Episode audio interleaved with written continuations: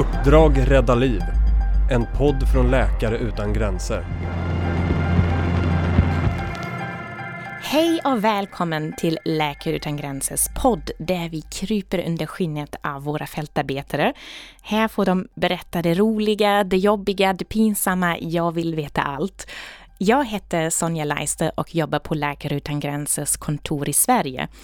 Jag är extremt peppad att jag idag får prata med en fältarbetare som är väldigt cool. Det är många som har sagt det om dig. Hej och välkommen Loan Beder. Tack så mycket! Det var roligt att höra. Ja, visst är det coolt om andra tycker man är cool? Ja, det är, det är coolt. Då har man lyckats i livet. Du är 31 år gammal, egentligen från Sverige, men bor i Oslo. Och du har varit på två uppdrag med Läkare utan gränser, både på våra räddningsfartyg på Medelhavet. För där driver Läkare utan gränser sedan 2015 sök och räddningsinsatser. Precis. Men det som är väldigt spännande med dig, du är inte läkare, inte sjuksköterska, inte barnmorska. Du är sociolog. Hur räddar man liv som sociolog på Medelhavet? Eh, ja, det är en bra fråga. Ehm, så som, som sociolog då, så blev jag, jag blev rekryterad som kulturtolk till att jobba på de här räddningsbåtarna på Medelhavet. Ehm, Och vad är en kulturtolk? Så som kulturtolk så är man på plats för att kommunicera med flyktingarna, med de människorna som vi räddar och har ombord hos oss. Eh, och när de kommer i det skicket som de är i, alltså de... Eh, det är en väldigt det är ju en väldigt liksom, panikartad situation, de är rädda eh, och då har man ett, de, ja, man har ett stort behov för att bli förstådd eh, och också att förstå vilka vi är. Eh, och vad alltså vi, vi Läkare utan gränser, exakt, vad gör vi med dem? Exakt, vad gör vi där, vad ska hända nu liksom? Annars så kan det ju hända att de försöker liksom, eller hur, eh, komma sig undan från oss också. Eh, mm. Så det är jätteviktigt att de att, att vi kan bygga upp en tillit då, till dem. Eh, och det är väl kanske framför allt min bakgrund som Eh, liksom där jag har jobbat en del socialt med flyktingar eh, och de språkkunskaperna som jag har som har gjort att jag, att jag kunde utföra den här rollen. Vilka språk talar du? Jag talar tigringa som kommer från, från Eritrea eh, och så pratar jag franska och engelska. Då. Och det var det som... Och de språken översatte du eller var du tolk för? På räddningsfartygen? Ja, alltså det är, liksom, det är lite så missvisande egentligen att säga tolk för att det är ganska lite, ja, ganska lite tolkningsarbete egentligen. Man, vi jobbar ganska eh, självständigt som, mm. som kulturtolkar. Då. Alltså, mm, utan, och så är vi såklart med in på sjukhuset och så vidare och tolkar också. Men det är mycket, mycket handlar om att liksom kunna komma så pass nära människor att man kan liksom eh, få dem till att, till att eh, lita på oss då, och då pratar Känner vi gärna... trygga. Ja, då, då, pratar vi gärna direkt med dem. Liksom. Precis, och när du säger sjukhus, då menar du att vi behandlade dem ombord på räddningsfartygen? Exakt. Um, mm. Alltså under dina två uppdrag har du ju bevittnat många situationer mellan liv och död. Först tar vi oss tillbaka till 2016 till en dramatisk räddningsinsats. Sandra Andreis har läst in ditt dagboksinlägg.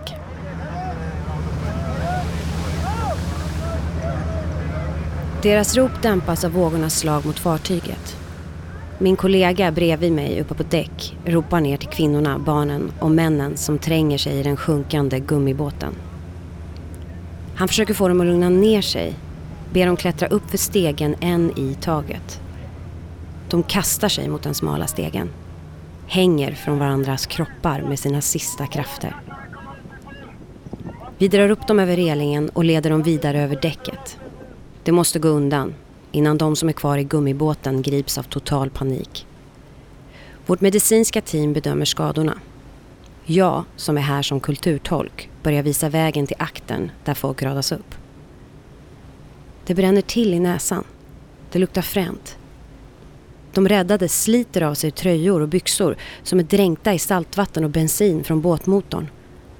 Blandningen är frätande, som saltsyra. Blöta flagor av hud lösgör sig från deras ben. Smärtan måste vara outhärdlig. Vi måste snabbt få igång duscharna så att de kan skölja bort bränslet och begränsa brännskadorna. Det lilla sjukhuset på vårt räddningsfartyg fylls omedelbart upp. Alla behöver hjälp. De som kan är där inne, tvättar sår, lägger om, intuberar, håller de svårt skadade vid liv. Alla sängar är fulla och vissa ligger på golvet. Blottade, lamslagna. Smärtan slår ut allt. Jag delar ut aluminiumfiltar och vatten. Lyssnar på dem, försöker förstå deras behov, vem som behöver akut hjälp och vem som kan vänta. Jag känner ett tryck i bröstkorgen. Min rädsla gör sig påmind. Tänk om jag missar någon som behöver hjälp? Känslan av maktlöshet över att inte kunna göra mer i den här akuta situationen. Ute på däck samlar vi dem med icke livshotande skador. Jag försöker lugna ner en kvinna med frätsår på rumpan och låren.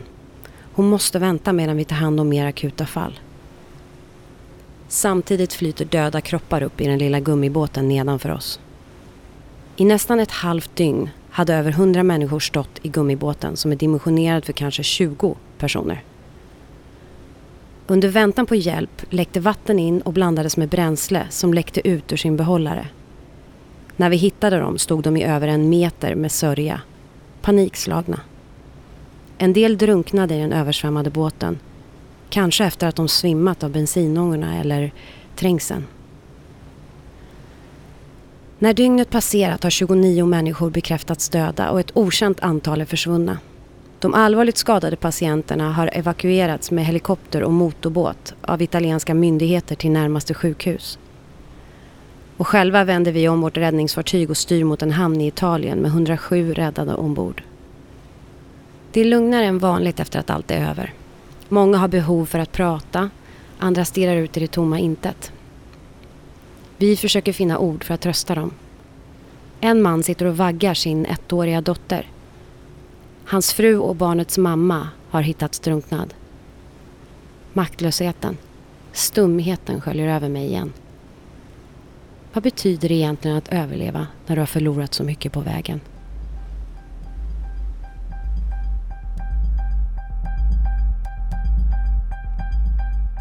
Ja, det är en ganska jobbig berättelse att lyssna på. Och du, du var ju där och beskriver i ditt dagboksinlägg att du försökte ord, hitta ord för att trösta människor som hade förlorat eh, nära och kära. Kommer du ihåg vad du sa till folk i den situationen? Det som jag gjorde var framför allt att liksom bara visa att jag var tillgänglig. Alltså till att börja med och bara gå runt och eh, försöka skapa kontakt. Liksom. Så att de vet att de kan prata med dig om, om de vill det? Exakt så. Att det är jag och den andra kulturtolken liksom som att vi är till för exakt det liksom och försöker få dem till att ja, känna sig tryggare till, och, till att komma till oss. Alltså när du har förlorat din fru i en båt eh, så kan det liksom, det, det, det, går inte att säga liksom att det kommer gå bra. Det, det, liksom, det, det, går inte att säga det till någon som är i den situationen, utan då handlar det mer om att så här, ja, det, förklara liksom vi, eh, vad som kommer hända när vi kommer fram och liksom att, att eh, den kroppen också kommer tas med och liksom... Alltså jag undrade faktiskt exakt det, vad, vad hände med kropparna? Alltså ni åkte till Italien um, och vet du vad, vad som skedde då? Vi fick ju med oss en del av kropparna, men inte alla faktiskt. Det, mm. var, det var jättesvårt för mina kollegor som försökte få upp dem att, att klara det med liksom den utrustningen som vi hade. Så det var egentligen, vi fick hjälp med det efteråt eh, av en annan båt som kom och hjälpte till från en annan NGO. Um, ehm, och de kropparna som vi tog med oss, de, låg vi, de la vi i vårt bårhus på båten. Uh, och det var väl 11 stycken. Och de andra 18 då kom senare. Um, och uh, när vi kommer till Italien så tas vi emot av polisen som försöker liksom uh, göra någon sorts... Jag vet liksom att man fotar dem och eh, det är ju ingen obduktion direkt, men att man försöker liksom dokumentera då hur de ser ut och så lägger man dem i kistor. Och sen någonstans, jag tror det är på Lampedusa, så finns det en, en stor gravplats liksom för eh, kroppar för, som har kommit eh, via, som har kommit på den här vägen liksom, på Medelhavet. Vi Eh, kanske måste backa band lite grann. Vi hörde ju nu ett exempel eh, på en räddningsinsats, en ganska dramatisk sådan. Men om man tänker rent praktiskt, hur går en räddningsinsats på Medelhavet till egentligen? kort sagt så får vi ju ett, eh, oftast så får vi ett samtal från italienska kustvakten, kustbevakningen, som eh, ger oss en koordinat och säger vart vi ska dra. Då, har vi, då står vi egentligen redan, vi står redan i den här search and rescue-zonen då, utanför, på internationellt vatten. Eh, och- Utanför Libyens ut- kust. Exakt, Mhm. utanför Libyens kust och letar efter båtar. Men oftast så är det ett sånt samtal som vi får mitt i natten. Eh, och då drar vi dit och försöker hitta den. Och även om vi har fått koordinaten så kan det ha hänt mycket under tiderna. Eh, och den kan ha förflyttat sig. Och när vi väl hittar den så lägg, sätter vi ut en RIB, en motorbåt. Är det en sådär supersnabb liten motorbåt Exakt. som åker från det stora fartyget till flyktingbåten? Eller? Ex- exakt, exakt. Som Mm. åker fram dit med flytvästar och en kulturtolk eh, som följer med ut och börjar prata med flyktingarna och förklarar vilka vi är och vad som ska hända och att vi ska hjälpa allihopa. Och sen så börjar vi röra det stora skeppet mot dem eh, samtidigt som eh, ja, deras båt har liksom stoppat det helt. Eh, och så kastar vi ut rep till dem och drar den så nära oss som möjligt, liksom, så att den är helt, alltså nästan limmad liksom, mot, mot vår båt. Men det är ett litet avstånd där ändå, det är vågor liksom. Uh, och så där jag står då, så tar jag över då kommunikationen och säger nu är det bara mig ni ska lyssna på liksom, uh, och försöker hålla dem så lugna som möjligt och under hela den här delen som jag förklarat, uh, både ute på vattnet och liksom när de kommit närmare oss så är det liksom folk är livrädda. Blir det inte panik när ni kommer och försöker rädda och alla vill ju såklart kanske bli räddade först? Hur hanterar ni det? Jo, det kan, det blir ofta det alltså. Det blir det. Eh, och det handlar liksom om att eh, visa att vi har situationen under kontroll egentligen. Eh, så bara liksom, det, vi har liksom några så här, eh, vad heter det, kärnmeddelanden då, som man säger. Att det bara är sån, en i taget, lyssna på mig, var stilla liksom och att, att man visar, att det är jag som visar och vem som får komma upp, eh, att de inte ska hålla på och trängas och så vidare. Men det är, jo det är jättesvårt och ofta så, det som är fantastiskt är liksom att eh, ganska ofta så är det någon eller flera liksom som är nere i den båten, nu snackar jag om gummibåtar då, när det är en sån liten båt, som eh, tar kontroll över situationen själv. Eh, det har jag varit med om ett par gånger, liksom när någon bara sån klarar att hålla lugnet. Alltså någon av Av flyktingarna? flyktingarna, exakt. Och så här, då börjar så här, stoppa människor. Eh, när, det, när det är liksom fem stycken som försöker klättra upp samtidigt så, så, så tar den personen kontroll och säger, liksom bara sträcker ut armarna och stoppar dem och, och hjälper dem upp och så vidare. Eh, och det gör ju Det är säkert stor skillnad. väldigt stor Mm. skillnad. Ja. I vilket tillstånd är människor när de kliver ombord?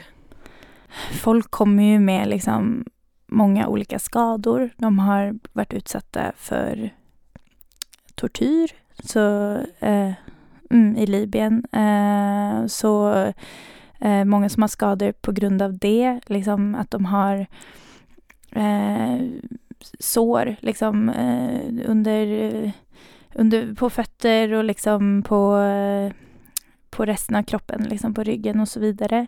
Eh, en del ärrbildning också, då, saker som har, redan har hunnit läka. Sen var det folk som kom med skottskador, alltså att de har eh, ofta ganska färska liksom. Eh, som behöver behandling för det. Sen är det ju också många eh, alltså skador som inte är synliga direkt utan kvinnor som har varit utsatta för sexuellt våld. Liksom. Och då handlar det ju verkligen om att bygga upp tillit, att de ska våga berätta om det och bli undersökta av eh, barnmorskan som är ombord. Um, det måste ju vara en otrolig upplevelse när man tror kanske man sitter på båten och tänker nu kommer jag dö vilken sekund som helst och sen är man plötsligt på ett räddningsfartyg. Alltså, hur, hur var stämningen efter en räddning? Om alla faktiskt har överlevt så är det jättefint. Just den där första första stunden när alla har kommit ombord så är det ju de som har kommit ombord först blir jätteglada och liksom se när nästa person kommer och så, åh, oh, där är min bror eller där är min vän eller där är den personen som jag har suttit fängslad med i liksom ett halvår i Libyen. Eh, och de blir ja, väldigt glada för att se varandra och um, ja, så, och hur uttrycker de, märker man det eller hur uttrycker de det? Alltså, vi försöker ju hålla en ganska kontrollerad situation i början när de är, eh, när vi fortfarande håller på med självaste räddningsoperationen så försöker vi ju få folk till att bara helst sitta stilla liksom. Eh, men de reser sig upp och liksom kramar varandra och hoppar runt och, och sen när liksom när allt är över, när alla från deras båt är ombord, så är det ju, då, då kan det vara liksom, eh, ja, både att de ja, ber och kramas och, och så. Alla som flyr över centrala Medelhavet kommer ju via Libyen. Och det är ett land som är i upplösningstillstånd. Det är jättefarligt för människor på flykt. Vissa fastnar där i flera år. Och vad berättar de som ni räddade om sin tid i Libyen?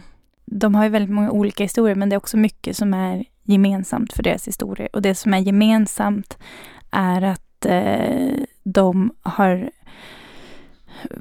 blivit, eh, alltså de har varit i Libyen av olika anledningar. Många har tagit sig dit för att, för att jobba egentligen och så har de Ja just det, det finns också många migrantarbetare där faktiskt. Exakt, mm. ja det är många som, som faller in under den kategorin. Och så är det många såklart som har rest dit för att fly vidare till Europa. Men um, det de har upplevt där är att de har blivit eh, kidnappade. Alltså plötsligt en dag, alltså kan, det kan till och med vara den första dagen liksom som de kommer över gränsen, så dyker det upp ett gäng med vapen och tvingar dem med sig och sätter dem i eh, alltså inofficiella liksom fängelser, aktigt källare. Liksom. Fångläger, ja. eller vad man ska kalla det. Ja. Så, ja. Eh, det har jag hört jättemycket, liksom, att de sitter i en källare liksom, eller i ett lagerhus någonstans och eh, blir utpressade på pengar och liksom tvingade att ringa hem och be om flera tusen dollar ibland eh, och blir torterade blir liksom slagna med gummirör eller eh, andra, andra liksom verktyg. Eh, blir hängda upp och ner, slagna under fötterna. Många kvinnor som blir utsatta för våldtäkt och tvungna till prostitution. Um, och många som också blir tvingade till att arbeta liksom, obetalt. Mm, alltså eh, tvångsarbete. Tvångsarbete, exakt. Mm. Eh, och alltså, den situationen som de beskriver i Libyen är liksom att, de, att deras liv inte är värda någonting. Alltså de, bar, de blir inte sedda på som människor av de här kriminella grupperna. Då. Um, så, så som de beskrev det så var det liksom att folk kunde skjuta mellan deras fötter bara för att få dem att hoppa. Alltså, uh, bara för att... Visa makt. Exakt. Uh, så. Att, uh, ja. Och sen är det ju många som har hamnat i de här officiella alltså fånglägren också. Men det är precis lika dåliga villkor där också. Så folk, eh, folk har lidit enormt i det landet. Mm.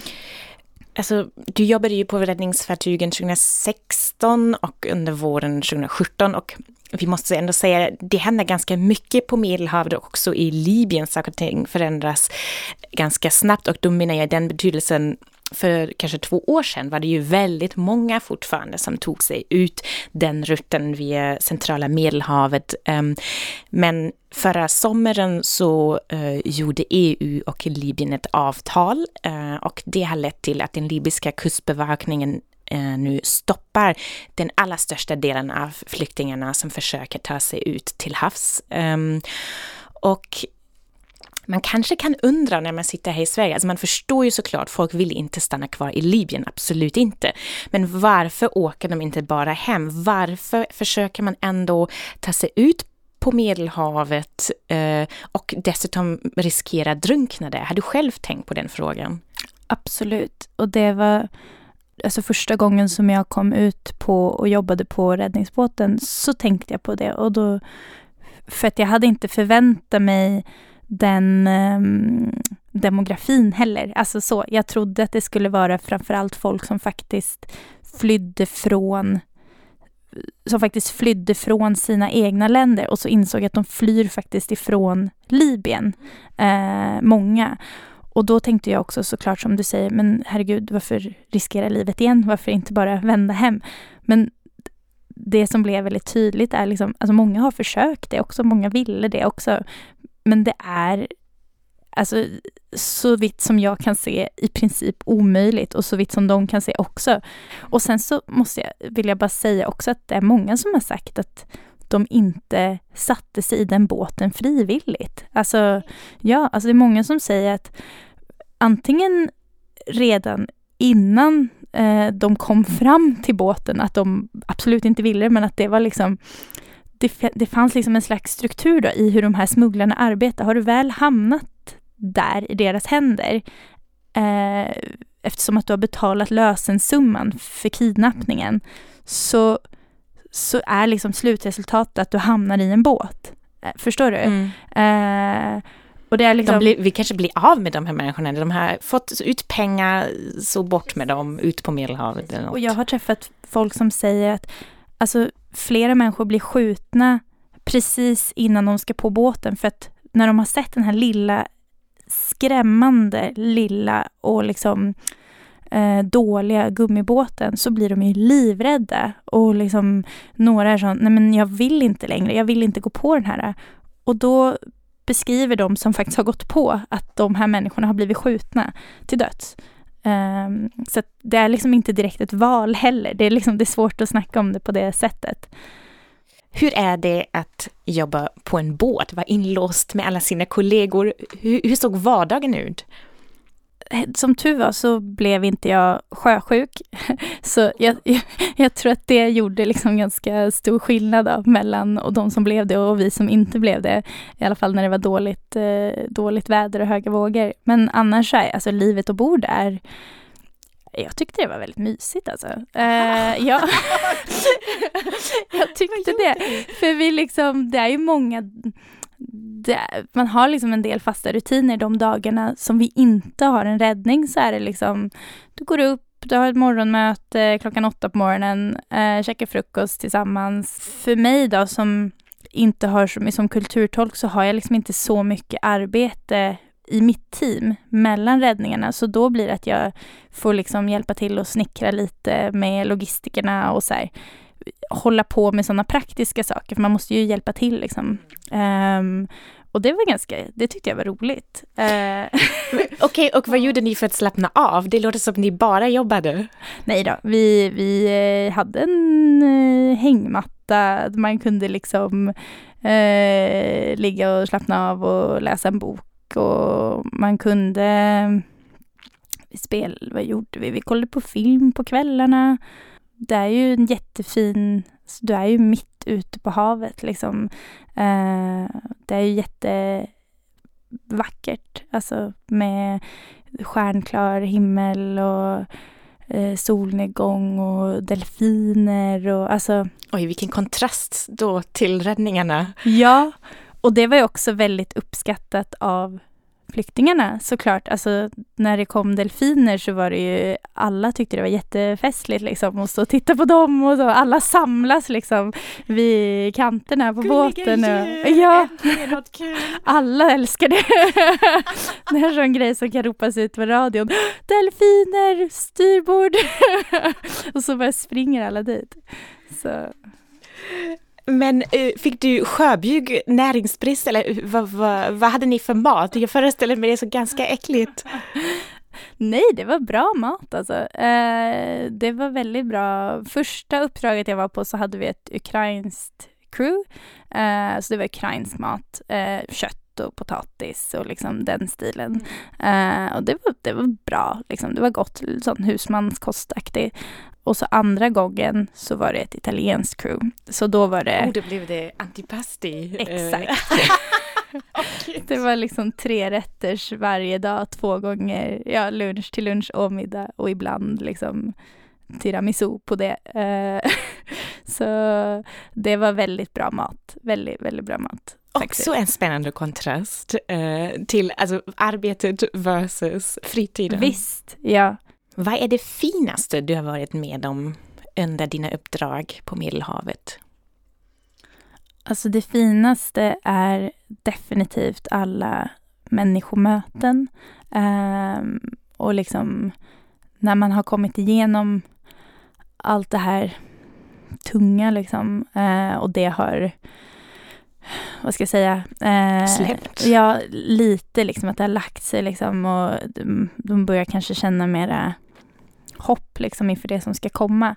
Så ehm, är det ofta alltså, väldigt god stämning liksom, ombord. Och jag har ju en väldigt social roll. Jag går ju bara runt och jag går runt och är till, ja, men exakt, och är liksom tillgänglig hela tiden och säger hej till folk och frågar hur de har det och så här, ser till att de har det de behöver. Så. Och då är det ju mycket så här, roliga Alltså folk är väldigt roliga. De gillar liksom och de gästerna som vi haft ombord har ofta liksom de vill gärna skämta lite och så här eh, Vad säger de då?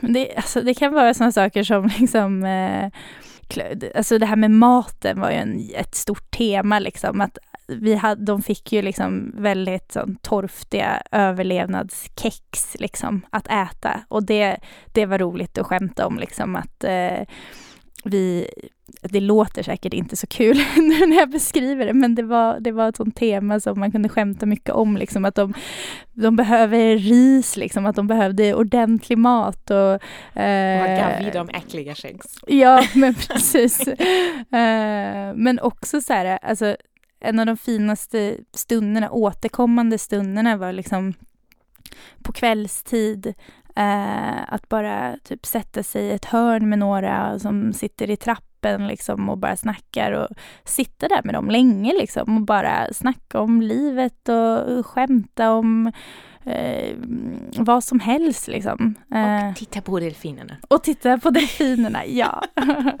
Tack så mycket Loan Beder att du var med. Tack själv, väldigt fint att få komma. Vi vill gärna veta vad ni som lyssnar tyckte om det här samtalet. Eh, har ni frågor eller funderingar så kan ni självklart höra av er och ni hittar oss som Läkare Utan Gränser Sverige på Facebook, Instagram och Twitter. I nästa avsnitt Det var första gången jag hade en relation när jag var borta i fält. Och det tärde ganska mycket på relationen men för mig var den svåra liksom, delen att eh, kunna vara emotionellt tillgänglig för någon annan när man är på en plats där all sin tid och emotionella kapacitet går åt till att försöka räcka till till alla andra människor. Du har hört Uppdrag rädda liv, en podd från Läkare utan gränser. Podden gjordes av Katinka Agneskog, Sonja Leister och Alexander Uggla. Ansvarig utgivare är Oliver Schultz. Tack till Roll the Dice och Peder Mannefelt för musik och lån av studio. Tack också till Sandra Andrejs som läste in Loams dagboksinlägg. Vill du höra fler avsnitt? Du hittar dem där poddar finns.